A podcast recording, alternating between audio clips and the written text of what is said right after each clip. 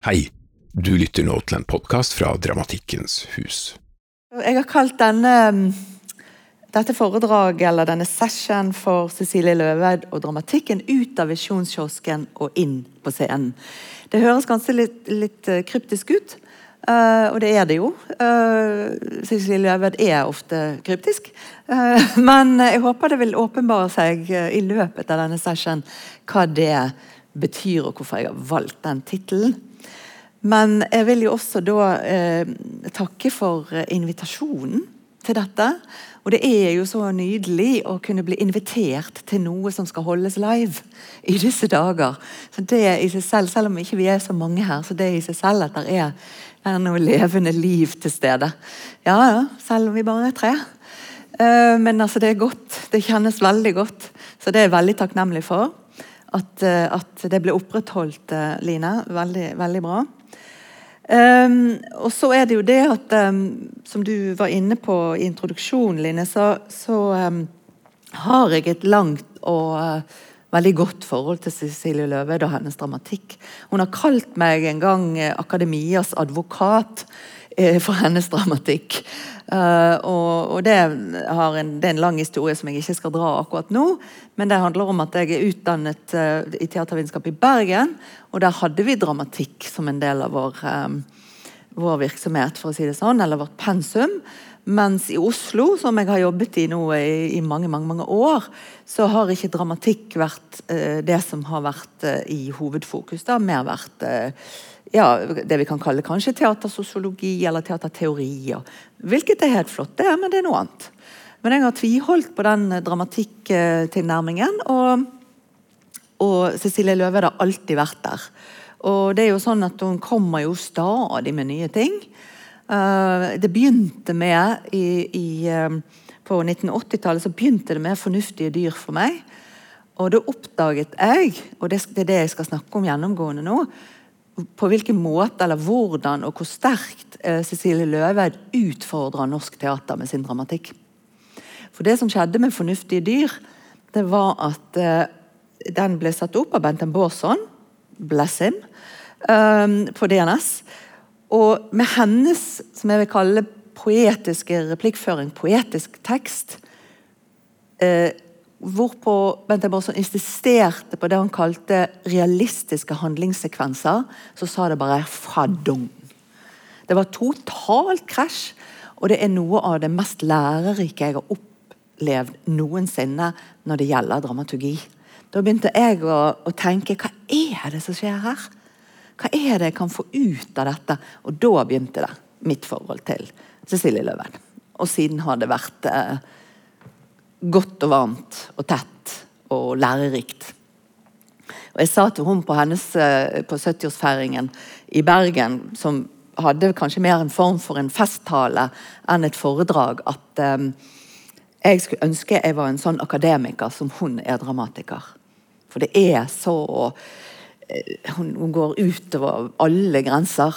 Altså, hun er ikke grenseløs, men vi må stadig se litt nærmere på hva er det hun holder på med nå. Og, og, det siste, og det skal vi komme tilbake til, er jo eh, Semmelweis materiale. Som er fremdeles, så vidt jeg har forstått, under utvikling. Så det er ikke kommet liksom, den endelige publikasjonen av det, og det er jo veldig gøy også. At det, det er noe som foregår. Eh. Eh, sånn at fokus og vinkling Nå håper jeg dere ser bak meg det samme som jeg ser. Hvis ikke så blir jeg bekymret. Nei da. Jeg har vidunderlige teknikere med meg, så det er ikke farlig. Um, så er det da å, å, um, å nettopp se på hva Hovedspørsmålet er hva er det På hvilken måte er det Cecilie Løved utfordrer norsk teater? Eller teater i det hele tatt. For hun utfordrer jo ikke bare hjemme, hun utfordrer ute også. Og jeg vil understreke uh, det som, som uh, Line sa innledningsvis. Jeg er så glad for å Hauk Heyerdahl og, og Hanne Diserud med for å lese utdrag. For det er jo noe med dramatikken, da. Den kommer jo til liv, for å si det litt uh, enkelt, men allikevel sant, uh, når den blir lest. Og jeg elsker lesninger. Sånn at hvis vi får en lesning inni jeg vil ikke si tør, jeg håper ikke det er tørre akademiske betraktninger, men i hvert fall akademiske betraktninger. Å få det inn eh, er bare helt uh, strålende. Og Da er spørsmålet da, hvem er Cecilie Løved i norsk dramatikk? Uh, og Vi vet jo, vi som kjenner Cecilie Løved, at hun, uh, hun skriver i flere sjangre. Uh, mange år skrevet for radioteater. Det var kanskje der hun slo gjennom, på sett og vis. og så har hun skrevet for dans, hun har skrevet for opera, hun har skrevet, for, hun har skrevet skuespill. obviously, det er det vi skal snakke om. Og så har hun skrevet performance. Eh, jeg vet ikke om dere husker, det er flere av dere gjør kanskje det badehuset på Cuba på Grønland. I samarbeid med Verdensteatret eh, i 1989. Hvor hun også viste seg fra en, en side som, som uh, ytterligere utvidet i hvert fall mitt, min oppfatning av hva hun kan gjøre innenfor dramatikk. Og, eh, og, Hennes tekster har da blitt gjenstand for analyser både innenfor teatervitenskap og litteraturvitenskap. Kommer selv fra teatervitenskapen, men har tett eh, samarbeid med litteraturvitenskap, spesielt Rude van der Fehr, som kanskje har vært eh, litteraturvitenskapens advokat for Cecilie Løven inn i akademia, og har fått veldig mye ut av det. Så hun har fått oppmerksomhet i akademia. Det skal sies der er skrevet eh, avhandlinger, masteroppgaver. Eh, Lars Sætre i Bergen har skrevet mye. Så, så, så, hun har fått oppmerksomhet. Men samtidig, uten at jeg skal gå så veldig dypt inn i det, for det interesserer meg sånn forskningsmessig ikke så veldig, men det har jo alltid vært en, en opplevelse av at Cecilie har stilt litt i skyggen av eh, kanskje sine mannlige kollegaer, for å si det rett ut. men, det, men det, det, skal vi ikke, det er ikke det som er interessant her. Vi skal se på hva hun faktisk har gjort. Eh, og det som er et viktig poeng her, er jo at dramatikken som sådan, og det er jo det teatervitenskapelige ståstedet mitt, det jo, kan ikke ses isolert fra den teatrale konteksten. altså Kan ikke ses isolert fra sin oppføringspraksis. Kan ikke ses isolert Ikke bare det isolert, men at man kan også lese ut fra tekstene hvilken type teatertenkning Altså Man kan man i hvert fall eh, prøve å, å, grave og finne ut av hvilken type scenisk tenkning eller hvilken type teatertenkning er det som er skrevet inn her. Så Sånn sett så er jo dramatikken en uh, sjanger som er veldig interessant, for den står i et sånn tett relasjon til skal vi si, den, den levende scenekunsten. Uh, så spørsmålet er på hvilken måte er det da Cecilie Løved har Eh, utfordret eh, norsk teater. Og For å svare på det spørsmålet så må vi gå til dramaturgien, eh, tenker jeg. Det er min hovedpåstand. Jeg skrev i 1989, samme år som Badehuset, en hovedoppgave som hadde tittel 'Teaterutvikling et dramaturgisk prosjekt' spørsmålstegn. Jeg hadde veldig lyst til å ha utropstegn, men veilederen min sa til meg nei, det kan du ikke. Du er nødt til å holde det åpent som at det kan være andre ting som, som skaper teaterutvikling. Men jeg var helt overbevist. Og gjennom mitt arbeid med, med Cecilie Løved så er jeg fremdeles overbevist. Jeg tror at dramaturgisk tenkning og dramaturgisk uh, arbeid og utvikling og med tekster og med, uh, med scen scenekunst, så tror jeg vi, vi er der også. Eh, og, og, dramaturgi eh, hos eh, Cecilie det er, litt, det er, litt, vanskelig å si én ting. For hun har ikke én dramaturgisk metode eller strategi eller modell. Hun har flere, og de opptrer gjerne samtidig.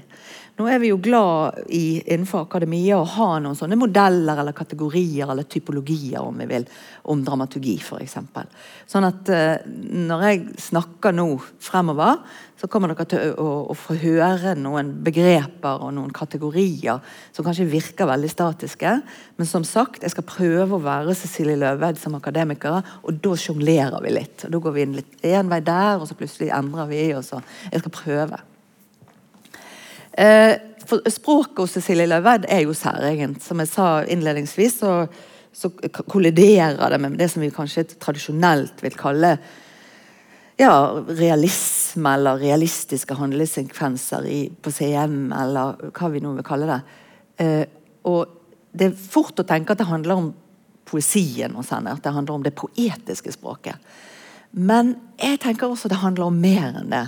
Altså, Poesi er flotte, og poetisk språk er flotte, men hun er frekk. Hun er rett og slett så frekk at hun eh, sjonglerer og setter ting sammen. og ord. Altså Visjonskiosken, for eksempel, er jo ett sånt ord som er eh, begrep hos henne, eller et ord hun bruker i, i Rindøtrene, eh, som vi skal komme tilbake til, som jeg bare syns er helt vidunderlig. Sånn, her setter hun en eh, middelalder kvinnelig filosof og lege inn i en visjonskiosk. Altså, det er så frekt at det går ikke an. Hun fikk mye kjeft for det. Jeg skal komme tilbake til det. Spesielt av religionsviterne. Eh, og, så, så, jeg vil si kanskje at Språket hos Cecilie Løve er veldig lekent. Hun leker med språk, hun ser hva hun kan produsere av bilder. Og Det tenker jeg er en av de tingene som karakteriserer Cecilie Løve sitt, sitt eh, dramatiske språk, er rett og slett å skape bilder gjennom eh, språket. Eh, og det er jo det flere skal komme tilbake til, det er flere som har uttalt seg nettopp at det kanskje er billedspråk hos Løveid som er det sterkeste kjennetegnet. Uh, Pluss at vi finner hos Løveid, som vi også skal se eksempler på, uh, et, en vev av referanser. Cecilie Løveid er en dramatiker som hele tiden jobber med det som vi på godt norsk kaller research eller med, med, kilder fra her og der. Filosofi, historie, eh, religion, eh, musikk, eh, billedkunst. Det er, et hav av referanser i hennes tekster. Og jeg tenker også at det ikke er et poeng å få, få på plass alle, eller få med seg alle. Men det vil alltid være noe man kanskje kjenner igjen, og som gjør at man, man får et forhold til tekstene hennes som, hvor man blir med på leken, for å si det sånn. Og Det kaller man da gjerne for intertekstualitet. Altså at Tekstene hennes er intertekstuelle. De, de, kommuniserer med andre tekster fra forskjellige fagområder og fra forskjellige deler av kulturen vår. Eh, hvis vi skal begynne å kategorisere eller si noe om dramaturgien til Cecilie Løveid, så er det veldig mye å si. Og vi kan på sett og vis uh, altså Det man ofte tar utgangspunkt når man skal nå, skal nå, er dere mine studenter, og så skal jeg lære dere om dramaturgi. Og så sier jeg at uh, den dramaturgiske tenkningen som har fått størst innflytelse, i hvert fall på vestlig uh, teater, er det man kan kalle den aristoteliske dramaturgien. Sant? Som man henter fra Aristoteles politikken, og som handler om at historien skal være fremadskridende, karakteren skal være i utvikling, det skal være noen knutepunkter underveis eh, som løses opp, og, og, enten til lykke eller ulykke, eh, osv. Eh, og det tar man ofte utgangspunkt i. Det er jo selvfølgelig en, en, en, eh, konstruksjon som vi har. Det er ingen som har tvunget oss til å tenke at, at må, dramaturgi skal tenkes som, uh, som Aristoteles, som lineær, som fremadskridende. Som uh, at vi kan følge en historie fra A til Å. Nei, nei. Det er ingenting som sier Men, men den sitter på en måte i, i uh, grunnantagelsene våre. Den sitter i ryggraden. Så veldig ofte når vi da snakker om dramaturgi, så snakker vi om ok, det fins andre måter å tenke dramaturgi på. Og dramaturgi da forstått helt enkelt som handlingsforløp eller handlingsstrukturer. Hvordan er handlingen konstruert? I teksten og på scenen. Det er liksom basic. Veldig enkelt. Så hos Cecilie Løves kan man da finne det som ofte betegnes som det motsatte av den aristoteliske, nemlig den episke. Den fortellende. Da er det sånn Nå skal dere høre. Dette skjer. Nå skal jeg ikke begynne Line på forelesning. Det lover jeg. sånn, det er liksom den gamle Det sitter i ryggraden, det òg. Nei, um, som er fortellende. sånn, som man gjerne har lagt til f.eks. Brecht. Sant? Bertolt. Så, sånn. kommer det en karakter frem og sier nå skal dere høre. Dette skal skje. Og så går vi i gang.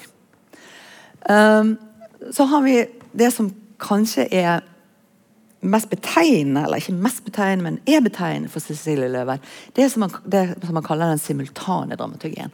Altså at det foregår ting Istedenfor at det foregår ting sekvensielt, det gjør det også i den episke, så foregår det ting lag på lag. Altså vi må, vi, det foregår samtidig. Det er akkurat som noen av Cecilie Løveids tekster er et utvidet øyeblikk. Sånn, ikke sånn, å så har vi det, og så har vi det, og så har vi det. Nei, nei. Det foregår ting samtidig lag på lag, og vi må bare finne ut av disse lagene når vi skal lese henne. Eller sette henne opp, ikke minst. Og så er det det vi kan kalle en, en labyrintisk dramaturgi. Og Der er 'Rindøtrene' for så vidt et godt eksempel, som vi skal komme tilbake til, som jeg nettopp uh, nevnte med Hildegard Forbingen. At der, der, må du liksom finne, finne, veien frem, og du går deg vill underveis. Sant? Du skjønner ikke Hvor er jeg nå? Hvor er jeg nå? Uh, der er en, uh, en, et filosofpar, uh, Skildeløs og, og Felix Gattari, som har skrevet noe som kalles en risomatisk tenkning. Og rhizom det er eh, de underjordiske rotformasjonene. Som går de veiene de vil, motsatt av treet. Treet er greit, da har du treet. Men hvis du har det rhizomatiske, så er det på en måte rotformasjonen i seg selv som leder deg til forståelse, erkjennelse. Hva nå vi enn eh, vil mest i denne verden. Eh, jeg vil også si kanskje at eh, Cecilie Løved har en sånn risomatisk Eller det, det, kan gi mening med en risomatisk tilnærming. Som en vev, mer enn som en, en sekvensiell eh, handlingsrekke. Og så er det det som vi skal se med det siste stykket hennes, som jeg vil kalle en, en metafiksjon, eller metafiksjonelt metateater, hvor hun selv, og det er der den kommer frem, den, eh, fra eh, Visjonskiosken ut på scenen. For da sitter Cecilie Løved som Cecilie Løved, dramatikeren, på scenen og forteller om sitt irriterende arbeid med Jens Bjørneboe sitt 'Semmelweis'. Hvor hun sier dette er bare så irriterende å lese. For Jens Bjørneboe har bare oversett en hel masse greier. Om historien om denne legen, dr. Semmelweis, på 1850-tallet i Wien, som finner ut den geniale ideen at det er lurt å vaske hendene sine som leger og legestudenter før man går fra lik til barsel. Altså likbehandling til fødsel. Kanskje det kan være inni det. Fikk veldig stor motstand, men vant eh, frem til slutt. Og en litt sånn billig kommentar. I dag vet vi jo alt om håndhygiene, tenker jeg. Så den, den får litt sånn ekstra. Eh, min eh, gode kollega og mentor, nå pensjonert, Knut Ove Arnsen i Bergen. Og min lærer da, tidligere lærer. Han har sagt om Løveid sitt billedspråk en måte å se hvordan Løveid utfordrer teater og tradisjonene, er på at det er særlig og Dette var i en samlagspublikasjon, så da er det på nynorsk. Det er særlig Løveids evne til å skape tablå som gir henne til en utfordring for regissører og scenografer. Så, så, her er det en påstand om det, nettopp dette billedspråket, dette å skape bilder, som, som, gjør det som gjør at man må tenke noen ekstrarunder, eller Jeg er ikke sikker på Nå var dette i 2004, altså ting skjer jo uh, i teatret, og det er ikke sikkert at dette gjelder på samme måte, men det kan være andre måter hun utfordrer på i dag. Og så er det interessant med noen av stykkene hennes, og det var et, en av de oppdagelsene jeg gjorde også i, på 1980-tallet, i 1984 nærmere bestemt. Da var jeg på, på Nasjonale Scene som, som, student og overvar oppsettingen av 'Balansedame'. Det var en særegen opplevelse. Det var Tom Remlov som var teatersjef den, den gangen på Nasjonale Scene. Og han bestemte seg for å åpne opp for det vi kan kalle prosjektteater innenfor institusjonen. Og det var ganske særegent uh, da. Uh, det vil si at uh, han åpnet opp for at et, et team, et, et, en, en, gruppe kunstnere, gikk sammen. For å være helt presis var det Hilde Andersen som regissør, Synne Skauen som komponist, Ingel Karsen som regissør, nei, unnskyld, scenograf, billedkunstner Ingel Karlsen. Og Det morsomme er at min kollega refererer til min hovedoppgave han sier at oppsettingen kan karakteriseres som et prosjekt innenfor institusjonsteatret. Forfatter, instruktør, billedkunstner og komponist gikk sammen i et kunstnerisk samarbeid på DNS om denne produksjonen. Og Det var på, på sett og vidt et slags fritt kunstnerisk samarbeid innenfor uh, institusjonen. Og det, det gjorde Balanselammet til en veldig spesiell produksjon for meg. Og, men stykket er jo også altså Teksten er jo også utrolig interessant. Og, og der har vi jo denne eh, Cecilie Løveid baserer veldig ofte tekstene sine på reelle historiske hendelser. Og I 'Balansedame' så, så er det å lese en, et, et, et um, magasinoppslag uh, fra Sverige som sier at uh, det er en dame som hun er, hun er, konservator. Og hun kunne gjerne tenkt seg å føde i en rokokkokjole. Og det, det, er jo ganske spesiell, et spesielt prosjekt, for å si det sånn. da. Og det tok hun da tak i, dette, denne artikkelen, eller dette oppslaget. Og så laget hun 'Balansedame' ut fra det. Og rommet var preget også av denne tenkningen.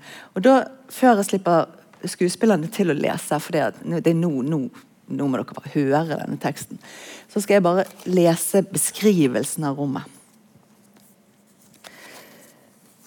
Og, og Cecilie Cecilies, eh, Cecilies, beskriver innledningsvis her at balansedame foregår i vår tid. Det kan være virkelighet, det kan være den reisen en kvinne foretar i seg selv mens hun ligger i barselseng etter en fødsel og venter på sitt nye liv.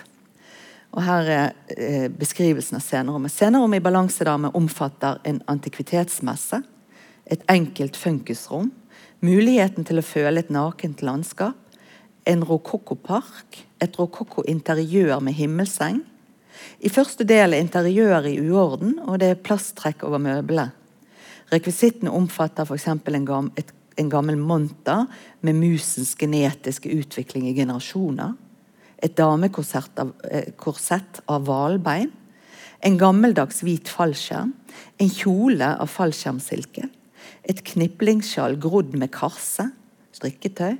Babygenser av gullgarn, timeglass, en fødselsstol eller krakk fra 1700-tallet, gamle legeinstrumenter, plastposer, tegneserier, ukeblader, en rull med lyseblå silke, komplett rokokkodrakt i lyseblått, diverse portrettbilder av adelige, Rita, som er en av karakterene, Ritas malerier eventuelt, materialbilder, spørsmålstegn, Gammelt notestativ og musikkinstrument, kostymer allerede nevnt, hvit fallskjermkjole og rokokkodrakt. Rita har friske, moderne klær, Susanne svart, Christian en slags kjole og hvitt, Aksel lyseblå amerikansk dress, også i sluttscenen.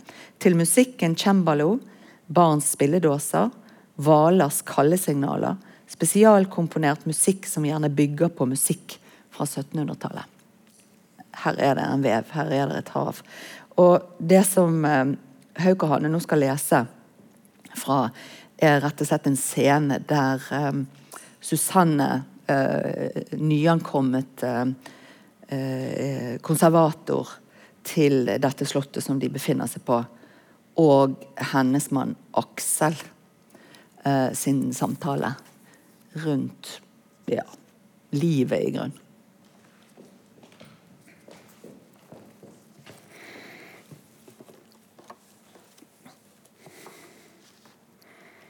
Jeg har det ikke sånn som du.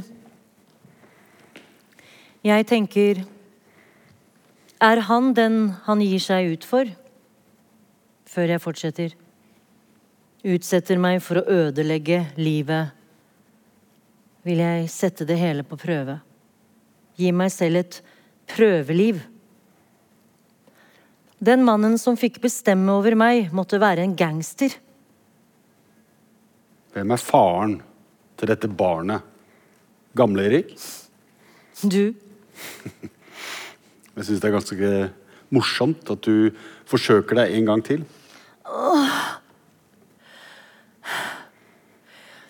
Husker du sa 'fete menn er de beste elskere'? Jeg er din mann. Men du var ganske fet. Jeg har ikke noe med det der å gjøre. Ikke jeg heller. det skjedde kanskje ikke? Jeg tror det var noe mellom oss. Et ekteskap. Ja, det er i tåke. Og jeg har reist så langt i mellomtiden. Du holdt det gående med postbudet, med slakteren, med alle. Alle! Jeg får visst aldri fortalt skikkelig hvem jeg er. Jeg blir tatt for en helt alminnelig hore. Så trist. Jeg ville bare more meg på kafeene. Men det finnes ikke noe mer sexy enn meg der jeg kommer med mappene mine. Tydeligvis. Kom. Elsk med meg. Kom. Husker du ikke at jeg hugget i stykker sengen vår med øks? Nei. Så vakker du er. Så vakker har jeg aldri sett deg før. Jeg har oppfylt en drøm. Selvfølgelig. Og nå får ikke du komme og ødelegge. Du drepte gang på gang. Tilgi. Glem det. Drepte det nye som du ikke kan kontrollere utfallet av. Om du får en hvit eller svart, et barn eller en elgkalv, ditt eller mitt. Det er mye forlangt. Litt normalitet.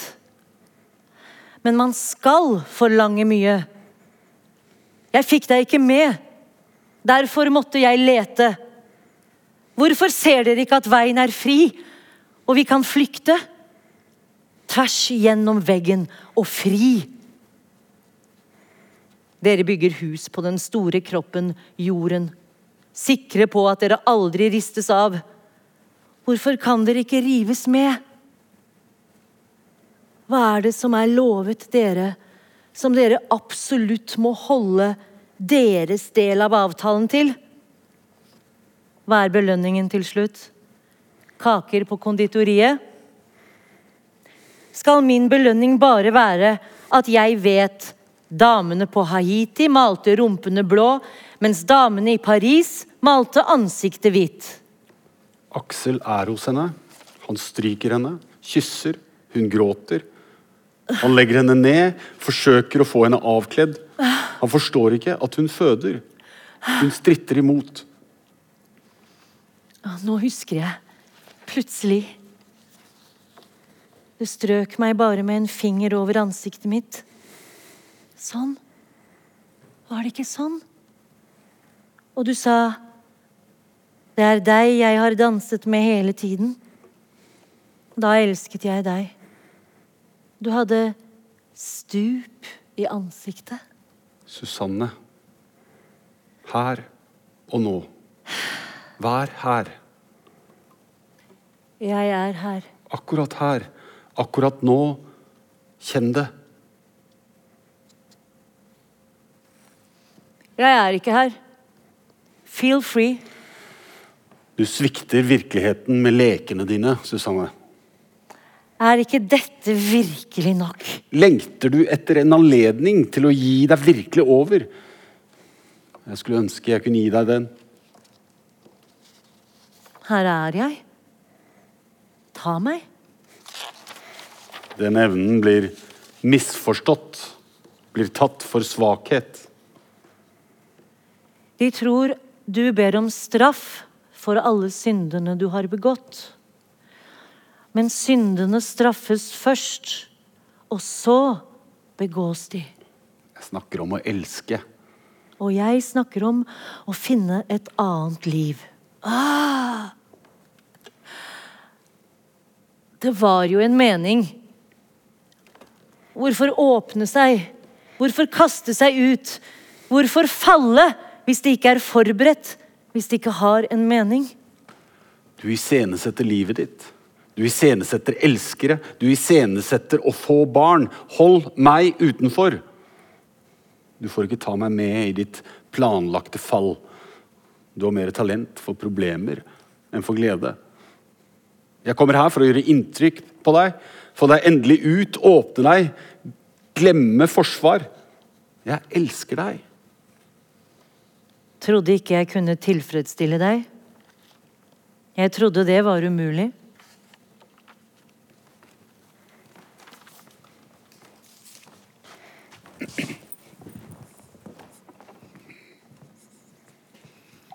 Tusen takk. Eh, som jeg sa i sted, så eh, er mye av utgangspunktet for eh, Cecilie sin eh, dramatikk, eller mye av utgangspunktet for innholdet, er det vi kan kalle et historisk materiale. historiske personer, historiske hendelser. Eh, og det, vi kan nevne Maria Q. Sant? Maria Quisling sin versjon av det som skjedde med mannen hennes Vidkun. Eh, både før, under og etter krigen. Eh, Rindøtrene, som vi skal høre litt mer om. Hildegard von Bingen, som vi snakket litt om i sted.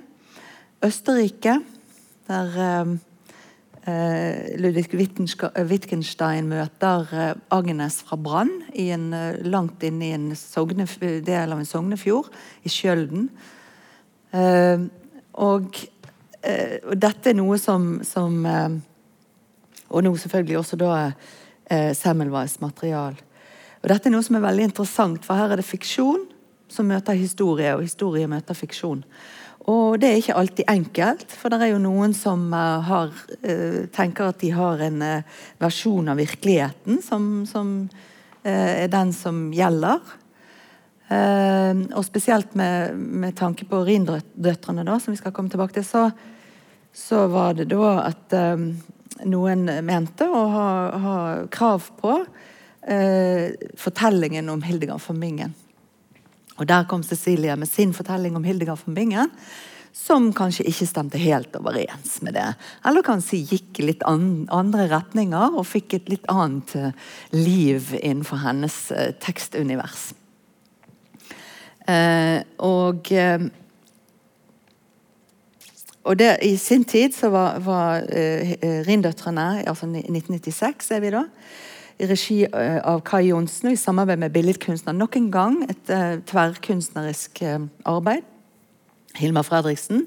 Også skuespillergruppen Lillit, som besto av Marianne Krogh, Marie Louise Tank og Helen Vikstvedt. Uh, og det hører da til historien at det, om Rindøtrene, og at det var en religionshistoriker som gikk hardt ut med, om fremstilling av Hildegard von Bingen. Men det som var fint, altså da som forvrengt og uriktig, men det som var fint, er at man får da en diskusjon om hva er historie. Altså, Hvis man setter det på spissen, som kan si er det mindre fiksjon enn fiksjon, altså litteratur. Uh, og det var i grunnen det som utspant seg da mellom uh, Eh, religionsvitenskap og, dramatikk. Eh, kunsten. Ja, Cecilie Løveid sin. Eh, og eh, Rindøtrene, som, som jeg nevnte i sted, kan også dramaturgisk sett ses på som veldig interessant.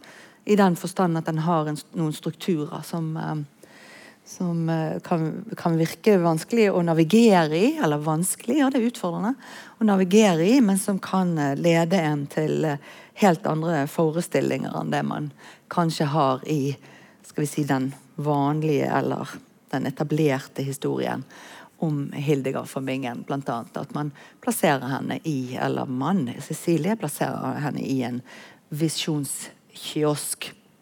Og det er jo stor humor, etter min mening. Men uh, kan sikkert uh, virke blasfemisk for noen, og det må man jo ta inn over seg. Uh, Nok en gang så eh, har jeg lyst til at dere skal høre eh, utdrag fra Rindøtrene lest. Og da har jeg plukket ut to utdrag. Eh, og da vil jeg først lese Det ene er scene tre fra del én, som heter 'Den glødende hunden'. Det er også med Cecilie Løven. Hun har deler som har titler, og så er det scener som har egne titler. Så. så vi har måttet uh, finne litt frem her for, for, å få de riktige utdragene. Scene tre. Hvor har du vært på din sjels reise? Og da er det Hildegard og Volmar som var hennes um, uh, prest og magister, er han beskrevet som. Og da er det de som samtaler om tingenes tilstand. og det hele. Og da leser jeg eh, eh, sceneanvisningen før eh, Hauk og Hanne leser utdraget. Eh, for mørk scene trekker Volmar visjonskiosken, hvor Hildegard ligger, frem. Volmar åpner en dør i lykten sin, så det kommer litt lys. Han lyser over den innpakkede skikkelsen hvor bare ansikt og føtter synes. Han vasker ansikt og føtter. Haukahane.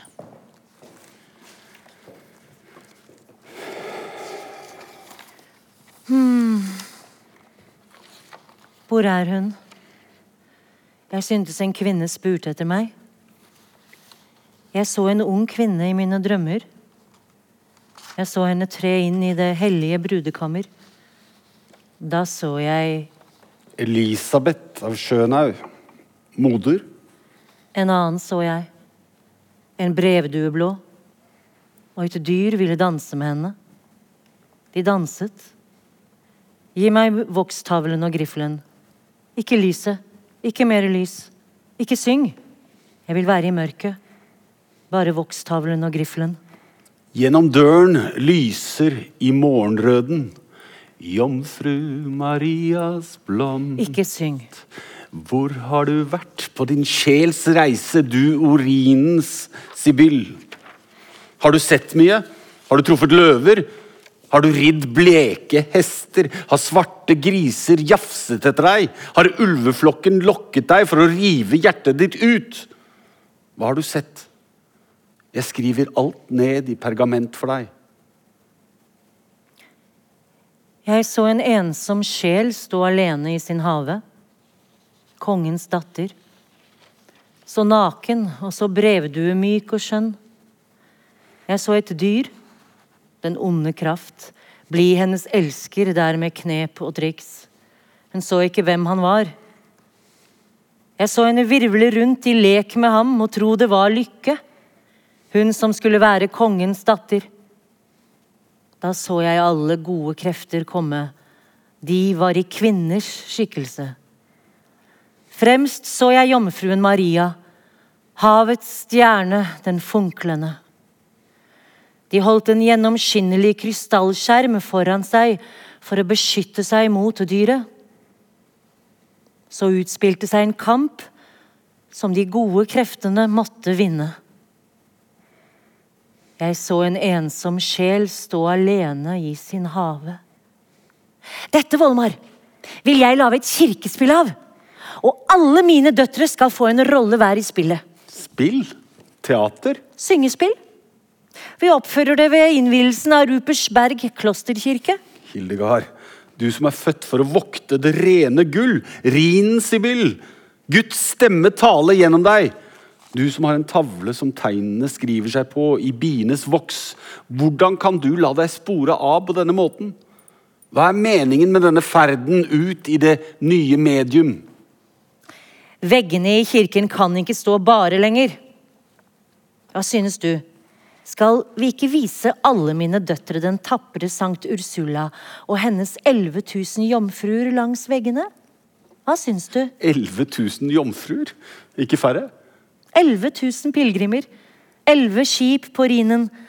Og under bildene skal vi spille de nye kreftenes spill som jeg har sett. Jeg ser musikken! Man må bare få tegnet alt ned i skrift. Selv skal jeg ha rollen som Maria. Kjærligheten. Eller eh, marionetten. Min ydmykhet. Og du, kjære Volmar, min salvemaker, du skal få ha rollen som patriarken. Som bivåner det hele. Jeg? Du sier jo Du anser deg selv som Noah, patriarken. Hvorfor ikke låne ditt ytre til en fremstilling av patriarken? Ja, da så. Jeg er smigret. Vi lar eh, replikkene synges. Musikken er sjelens språk. Englene synger evig. Det skulle menneskene også. Og Diabolus selv, han skal jo ikke synge. Diabolus? Hva skal den mannen i, inn i vårt kloster å gjøre? Han gjester ofte nok i dine syner. Dette er min sjels tabernakel. Ho datter, flykt. For den store giver har gitt deg vinger å fly med. Fly derfor lett over alle disse hindre. Og sjelen tar til vingene og flyr lett over alle disse giftige og dødbringende ting. Går vi videre til um, del tre, som da har tittelen 'Den hvite hesten'.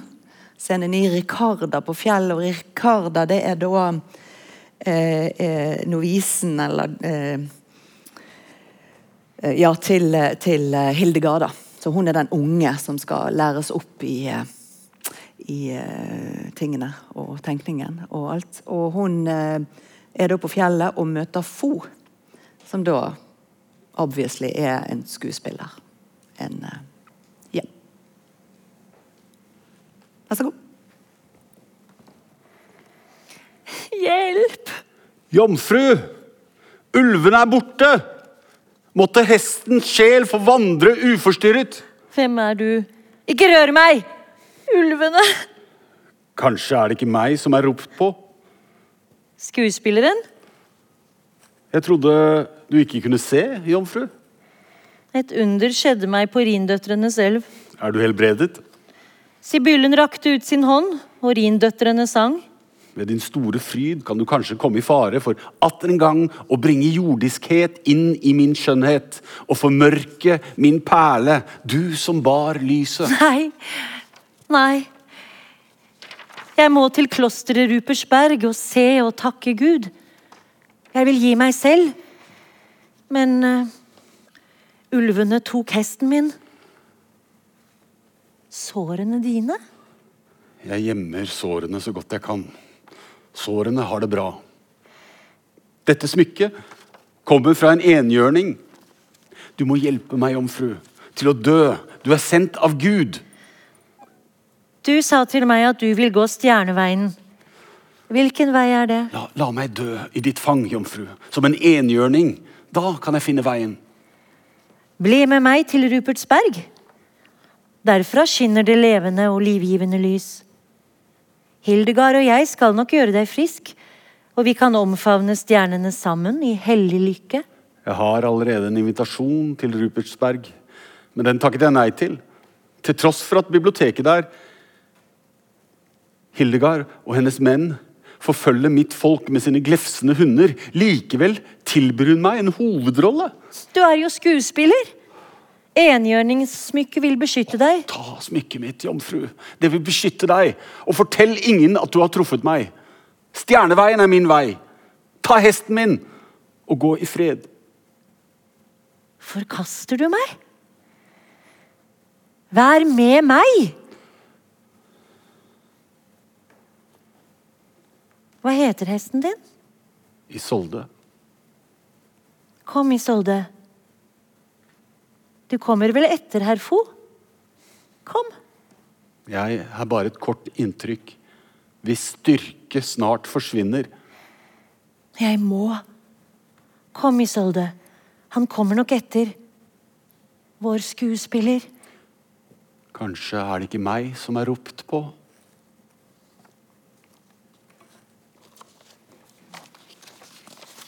Takk.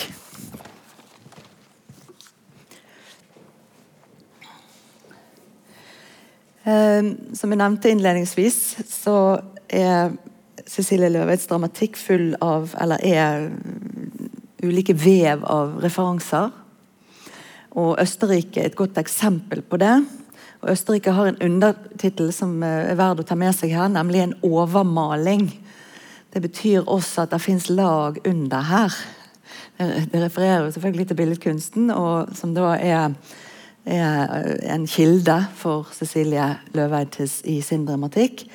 Så Østerrike er, handler om eh, Agnes fra Brann, som kommer til Skjolden i, inn, innerst i Sognefjorden. Og der er Ludvig Wittgenstein eh, og skriver og har en hytte der.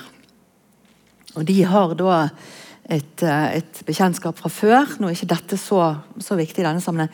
Det viktige er at da forbinder eh, Cecilie Løveid på, på, på, kreativt vis da en historie, en sann historie om Ludvig Wittgenstein som faktisk skrev innerst i Sognefjorden. Og trekker inn da Agnes fra Brann, som er jo en fiksjonsfigur. Eh, og, at, og skaper en relasjon mellom de to. Og, og, det vi skal høre nå om et lite øyeblikk, det er rett og slett et utdrag hvor de møtes og, i, i, inn i Sogn. Og så eh, prøver de å nøste opp deres eh, fortid. Og det som er veven av referanser her, er at vi mer eller mindre kjenner til Wittgenstein, og vi kan bli litt overrasket at han eh, dukker opp i denne sammenhengen. I hvert fall sammen med, med Agnes for Brann. Og så får vi bare Hva vet vi om Wittgenstein? Hva vet vi om Brann og Agnes? Hva rolle har Agnes i det hele? Nå har jeg bestemt meg for at i, den, i dette foredraget her Ikke jeg at jeg er så veldig god på det heller, men å gå inn dypt inn i analyser. Men poenget mitt her er hvordan eh, Cecilie Løved eh, binder sammen eh, ulike historier og ulik type fiksjon og virkelighetshistorier. Eh, og eh, det som er interessant her, er jo selvfølgelig, hvis man ser på historikken rundt Ibsens brann, og hvor den ble skrevet. Den ble skrevet i Roma. Eh, påbegynt i Roma, i hvert fall. Og er et dikt.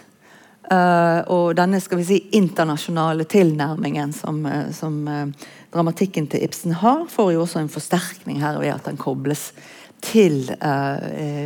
europeisk filosofi. Og, og, det det er vidt altså det er ikke det at det er så fryktelig vanskelig å forstå det, men, men jeg syns det er interessant. Og en ting som jeg også vil si om Cecilie Løve, er at og det så vi nå i Visjonskiosken og, og, ser flere steder hos henne, det er den humoren.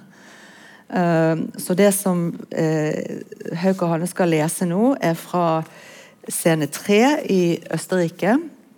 Uh, som, da, som da er da en overmaling fra 1998. Og scene tre heter da 'Det er ikke turistsesong'. Og da skal jeg igjen uh, gi et lite innblikk om hvor vi befinner oss hen ved å lese opp uh, innledende sceneanvisning. Agnes er oppe ved hytten. Hun vakler mot huset, står og venter, smiler. Hun banker på, men får ikke svar. Hun fortsetter å banke uten å få svar. Hun åpner døren, hun står, smiler. Ludvig hører, ser og vet, men rører seg ikke fra arbeidet. Etter lang fornektelse og taushet ser han opp, stirrer på henne som om han ser et spøkelse.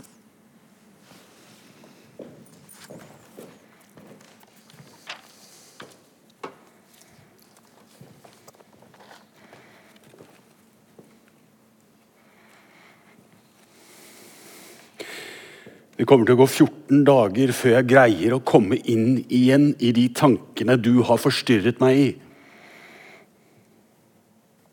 Du kjenner meg igjen? Det er ikke helt eh, vanlig å ikke kjenne igjen et menneske. Nå skal jeg hentes. Hentes? Det er meg. Kjenner du meg? Du er en forkledd vokterske. Jeg er ikke klar. Jeg sitter her og, og venter på at ideene skal komme tilbake. og når jeg, når jeg har vært alene tilstrekkelig lenge, så kommer de. Du må vente til jeg er klar, ikke kom nå. Båten fra Bergen kom nå. Jeg var om bord. Vi gikk på en skilpadde. Nå er jeg her. Det er ingen her! Det er ingen her! Sa Guds stemme. Takk. Ludvig. Ludvig! Du kjenner meg igjen. Jeg er den som ikke vil ha noe spesielt ut av deg. Nå skal jeg hentes. Hentes? Du er en forkledd vokter. Jeg er ikke klar. Jeg sitter her og venter på at ideene skal komme, og når jeg har vært alene tilstrekkelig lenge, så kommer de. Du må vente til jeg er klar. Ikke kom nå. En ung mann, han het visst Gartner, rodde meg over. Må man alltid ro? Han ror meg ofte over. Eller brødet mitt. Det er den store fordelen. Noen ganger går vi tur på veiene. Det er nesten som å skulle fly drager med David igjen. Noen ganger spiser vi hos en bondekone med mange katter. Eller spiller domino. Her er jeg. Nå? Nå. Du inviterte meg. Det er faktisk slik. Frimerket ga jeg til og med til en liten slektning. Norsk frimerke. Noe å ha, så Skrev jeg? Ja. Et brev? Ja. Ikke postkort? Nei. Brev. Det, det husker jeg ikke. Eh, Du inviterte deg selv for å hente resten av meg, den ikke-døde halvparten. Jeg har brevet. Her. Fra meg? Deg. Meg. Du har fantasien i orden som alltid. Jeg, jeg hater fantasi. Fantasi. Vil du se? Det ligger til og med en rose inni. Eksempel på den lokale floraen. Floraen, skriver du. Det har beholdt sin duft, men dessverre ikke sin form. Jeg sendte deg et telegram. Jeg, jeg er ikke ferdig med arbeidet mitt. Nei, jeg savner ikke livet blant menneskene. Det, det ligger en liten forskjell der. Så, hva svarer du? Svarer? Hvilket spørsmål? I brevet. Svarer? Har du ikke tenkt over hva du skal svare? Vil du ikke svare? Er er det for vanskelig? Jeg ble bare så Et slikt brev krever et svar. Er du ikke enig? Jeg forlanger svar. Men jeg er jo Så du er virkelig blitt en eremitt, som du skrev. Ja. En man bringer brød. Ja. Hit kan du komme og få se en mann som sitter og degger for en hodeskalle dagen lang. Sin egen. Er det lov å ta av kåpen? Hvorfor det, da? Jeg kommer fra Wien for å Hvorfor? Du fridde. Jeg skal svare. Men Jeg har brevet med. Men forstår jeg deg slik at det gjelder kanskje ikke lenger? Hadde du tenkt at du skulle fortsette å sende meg lommetørklær resten av livet? Ble du ikke glad?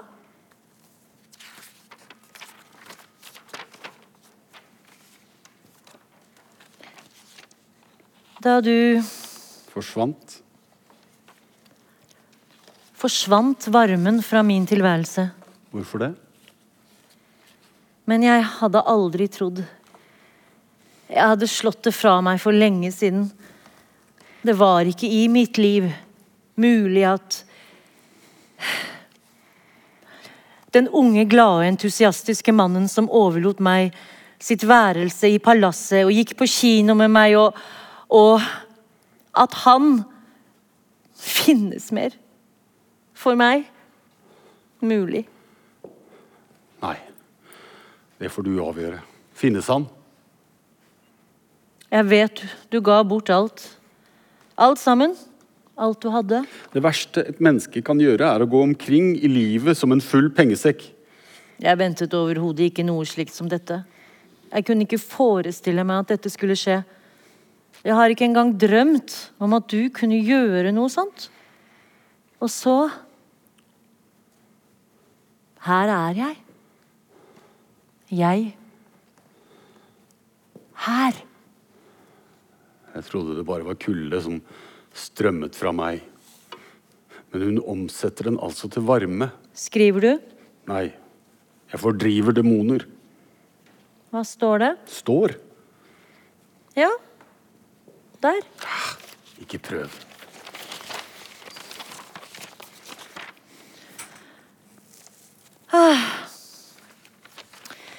Jeg skal hilse fra dine søstre. De hjalp meg til noen timer hos doktor Salomon Freud. Og eh, Men jeg hater sigarrøyk. Bare en spøk. Det var en lang reise. Da jeg satt på båten, leste brevet ditt om og om igjen.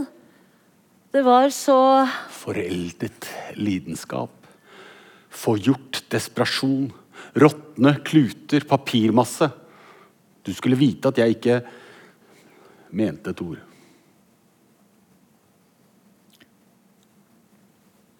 Får jeg lov å ta av kåpen? Hvorfor det? Du skrev at du holder meg i hånden.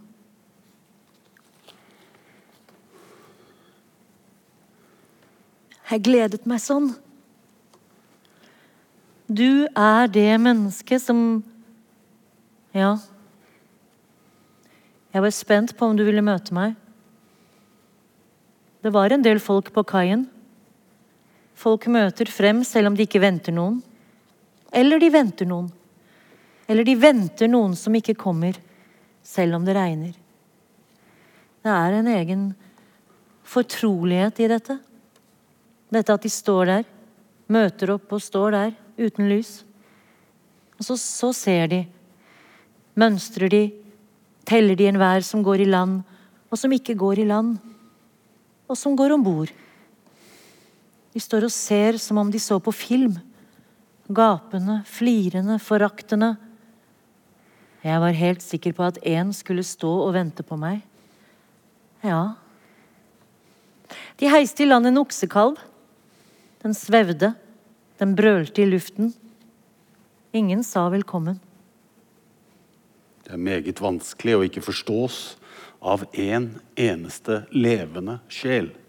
Og etter at de hadde sett dampbåten forsvinne bak holmen, vandret de innover.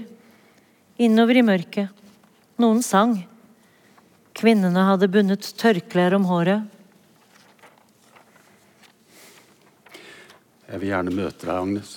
Men ikke som en lystreisende dame på gjennomreise. Så han rodde deg. Han er der nede ennå, sikkert, hvis jeg er heldig. Nei! Dessverre. Det kommer til å gå 14 dager før jeg kommer inn igjen i de tankene du forstyrret meg i. Du er en forkledd vokterske. Jeg er ikke klar! Jeg sitter her og venter på at ideene skal komme tilbake. Og når jeg har vært alene tilstrekkelig lenge, kommer de. Ingen skal vokte på meg. Jeg går. Takk for meg. Det var fint å komme til Norge. Men Men hva svarer du? Jeg eh, tok med meg denne. I tilfelle du ikke kjente meg igjen. Jeg vet ikke hva du vil med den, men jeg har prøvd å finne svar. Jeg skal svare. Hva i all verden skal jeg gjøre med deg? Hva skal jeg gjøre? Gjøre med meg. Jeg lengter etter henne, og her er hun. Det stemmer ikke. Og jeg hadde tenkt å å se nordlyset. Det er ikke turistsesong. Ikke turistsesong? Dette er et anstendig sted. Alle her vet at jeg ikke snakker med kvinner. Det går ikke an å snakke med kvinner. Hva skal jeg gjøre med deg? Du kan forbløffe dem. Jeg takker Gud for ensomheten.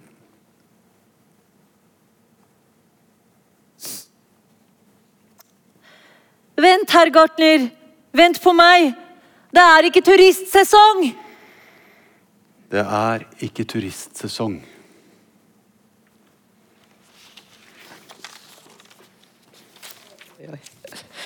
Tusen takk. Ja, eh, det, eh, når vi skulle finne frem til dette utdraget som de nettopp leste, mm, Hauk og Hanne, så eh, stumpet vi over en liten kuriositet. At i en versjon av eh, Østerrike så heter denne kvinneskikkelsen Marguerite. Var det det? Marguerite? Og det kan jo kanskje være nærmere altså nå, Jeg har liksom ikke Wittgenstein sin biografi på rams her, men det, nå må vi undersøke. Kanskje han hadde en, en i livet sitt som het Marguerite, men som da i Cecilie Løve sin fremstilling får navnet Agnes. Og dermed så gir hun jo helt andre assosiasjoner i vår egen skal vi si, kultur, kultursfære, og det blir lagt til noe ekstra. Og det tenker jeg nå også typisk eh, Cecilie Løve. Og så er det denne humoren, da. Det er ikke turistsesong, nei. Nei, nei. Ok. ok. Um, så var det den andre, siste delen av denne overskriften ut av visjonskiosken og inn på scenen. Og da kommer vi til eh, det siste hun holder på med. Eh, der hun kommer si, Hun kommer jo ikke ut av skapet på den måten, da, men, men eh, Hun entrer scenen i, som seg selv og som dikteren, eh, dramatikeren Cecilie Løveid, og deltar aktivt eh, på scenen i den forstand at hun eh, eh kommenterer eh, da det som hennes egen lesning av Jens Bjørneboe sin Semmelweis. Og hvor hun kritiserer Jens Bjørneboe ganske grundig for å ha oversett en del ting. Blant annet eh, skal vi si, eh, kvinnenes historie rundt Semmelweis. Semmelweis er helten. Det er han som har uh, funnet ut uh, det geniale ved å vaske hendene. Men uh, det har kostet en del for de kvinnene som var rundt han prostituerte, sykepleiere osv. Og, og det går hun direkte inn i en samtale da, med Jens Bjørneboe. Eh, eh, som da får en, en funksjon også eh, på scenen, selvfølgelig som da en person som vi kjenner til. En annen dramatiker, en annen dikter. Men som da ikke opptrer som Jens Bjørneboe, opplagt. Men det gjør Cecilie. Og det er, dette var vist som en, en arbeidsvisning på Bergen, første Bergen Dramatikkfestival i august 2020. Uh, og er fremdeles under um, progresjon, under arbeid, så vidt vi forstår.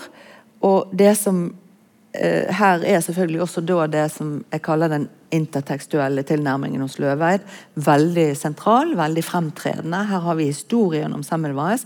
Så har vi Hans Bjørneboe sin fremstilling i hans stykke om Semmelweis. Og så har vi Cecilie Løveid sin lesning av eh, Jens Bjørneboe sin fremstilling av Semmelweis. Så her er det jo på kryss og tvers. Og det er veldig interessant, etter min mening, å se. Og det som er også da det kanskje eh, det sterkeste punktet her er det som jeg da kaller metafiksjon. Altså at, vi, at uh, fiksjon kommenterer seg selv. Cecilie sitter og kommenterer at hun skriver, og hun er i dialog med eh, Jens Bjørneboe. På scenen der og da. Og da, da får vi dette ekstra laget eh, hvor man får et spill på det som vi kan kalle en virkelighet, en realitet, og det som er fiksjon. Eh, og det er kanskje, kanskje, det mest fremtredende med, med dette.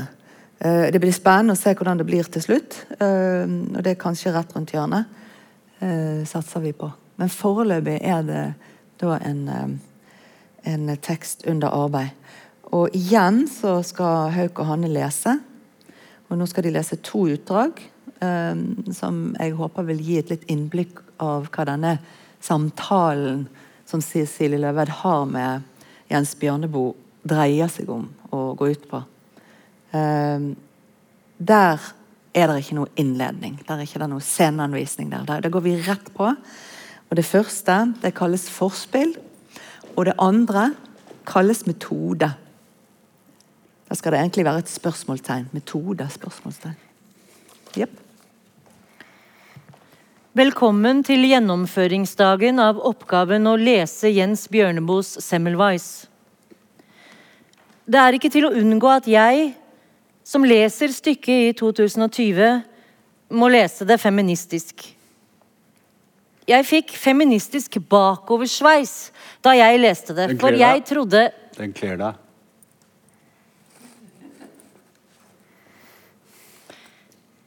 Det er dag nummer fem av gjennomføringsprøveverksteddagen. Etter rundt måneder med lesning og tenkning, innlevelse og Det er faktisk ett år siden du startet å lese Semmelweis. Du sa du visste hva det var. Og det gjorde jeg ikke. Eller det har forskjøvet seg. Hver dag har jeg den samme intensjonen om å gjennomføre analysen. Like oppriktig, repetitivt og ærlig håpefullt som om jeg skulle ha brodert det fram. Før fantasien flyter ut i absurde kaskader av sting, må jeg ømt fange tankene. Må jeg fortsatt slippe holde forsvarstale for å slippe å holde forsvarstale? Poethjernen kjører hele tiden over sakhjernen hvis de er skilt. Men de trives sammen. Statistikk er poesi. Kjære Allan Edvald. Eh, Jeg forbereder meg. Jeg forbereder deg. Jeg forbereder oss på det som jo hele tiden var vår plan. Vi må nå ta oss av kirurgien sammen. Han mener dramaturgien. Han mener at han og Allan skal skrive stykket ferdig sammen. Altså, efter et skikkelig skrekkelig arbeid fikk jeg en natt ved hjelp av et par flasker rødvin eh, mot til å legge fabelen an, slik som den er. Usigelig, klar og enkel.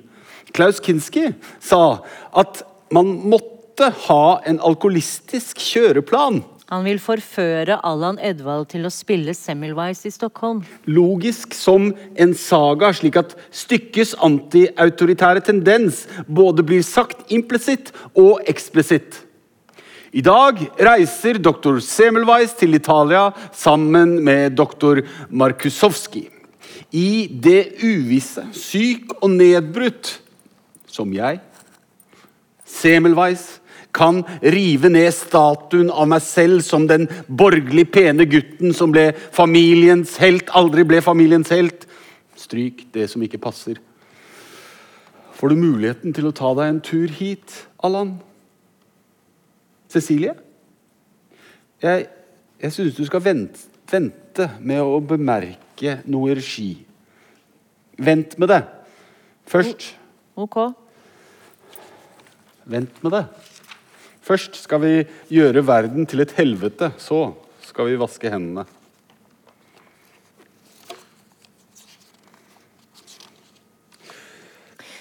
Metoden kan være å legge stykket pent på bordet, som en kropp i disseksjonsteatret, og undersøke de avskårne partene.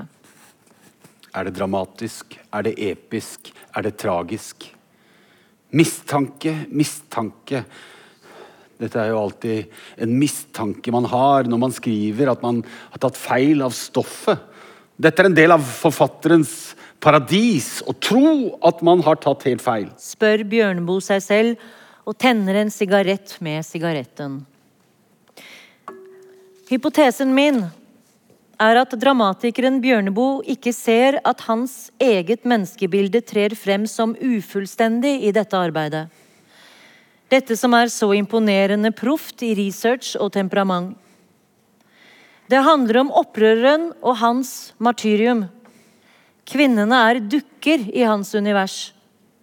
Men er det noe nytt i universet? Mitt martyrium, mitt opprør, mitt paradis. Man vil helst ha snille, veloppdragne genier. Mitt univers, mitt paradis, mitt geni. Eller mer presist Du ser ikke engang resten av skygge fra den største institusjonen gjennom tusener av år. Patriarkatet i dine egne scener. Jeg er litt plaget av, av rettssaken som kommer nå. Uten en tråd. Myndighetene forbereder en ekskursjon og ikke en rettssak. Levningene fra, fra patriarkatet legger vi ikke merke til før de plutselig ruver over oss som opphengt slakt, og lyset blafrer i horrorens sykehuskorridorer. Men det er et lyspunkt. Man kan lære av rettssaken. Alle skuespill er åndelig talt en rettergang. Metoden kan være å samle fakta om den autoritære kulturen. Han velger seg en helt. En som ikke får lov til å tale. Han får da lov til å snakke. Han får ikke lov til å tale om sine oppdagelser.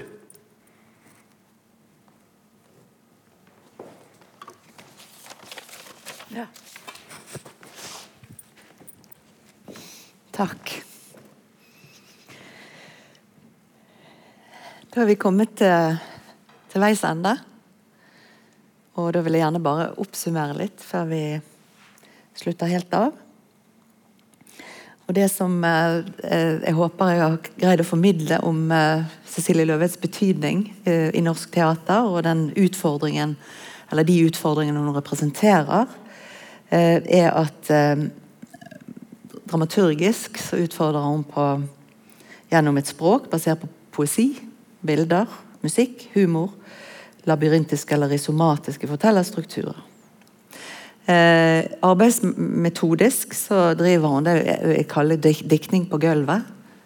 At det er veldig ofte i verkstedssammenheng. Sant? Det er prosesser som tar tid. Eh, for å sette litt på spissen, så er vel kanskje dramatikerfiguren eh, som sitter og skriver i, sitt, eh, i sin skrivestue. Selvfølgelig eksisterer nødvendigvis ikke, men det er vel kanskje noen varianter av det. Eh, ikke Cecilie Løved, for å si det sånn.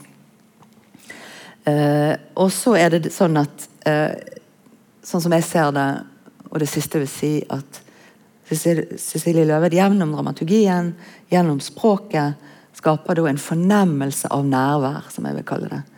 Av historie, av situasjoner, reelle situasjoner, av eh, fiktive situasjoner og fortellinger gjennom måten hun skriver på. Og at, eh, og jeg tenker jo allerede nå, eller i lesningen, så, så syns jeg at det, vi hører det. Sånn vi, vi, vi, opplever det nærværet bare gjennom at det ble lest høyt av eh, skuespillere. Så det er jeg veldig, veldig glad for at dere gjorde. Tusen takk, og tusen takk for meg.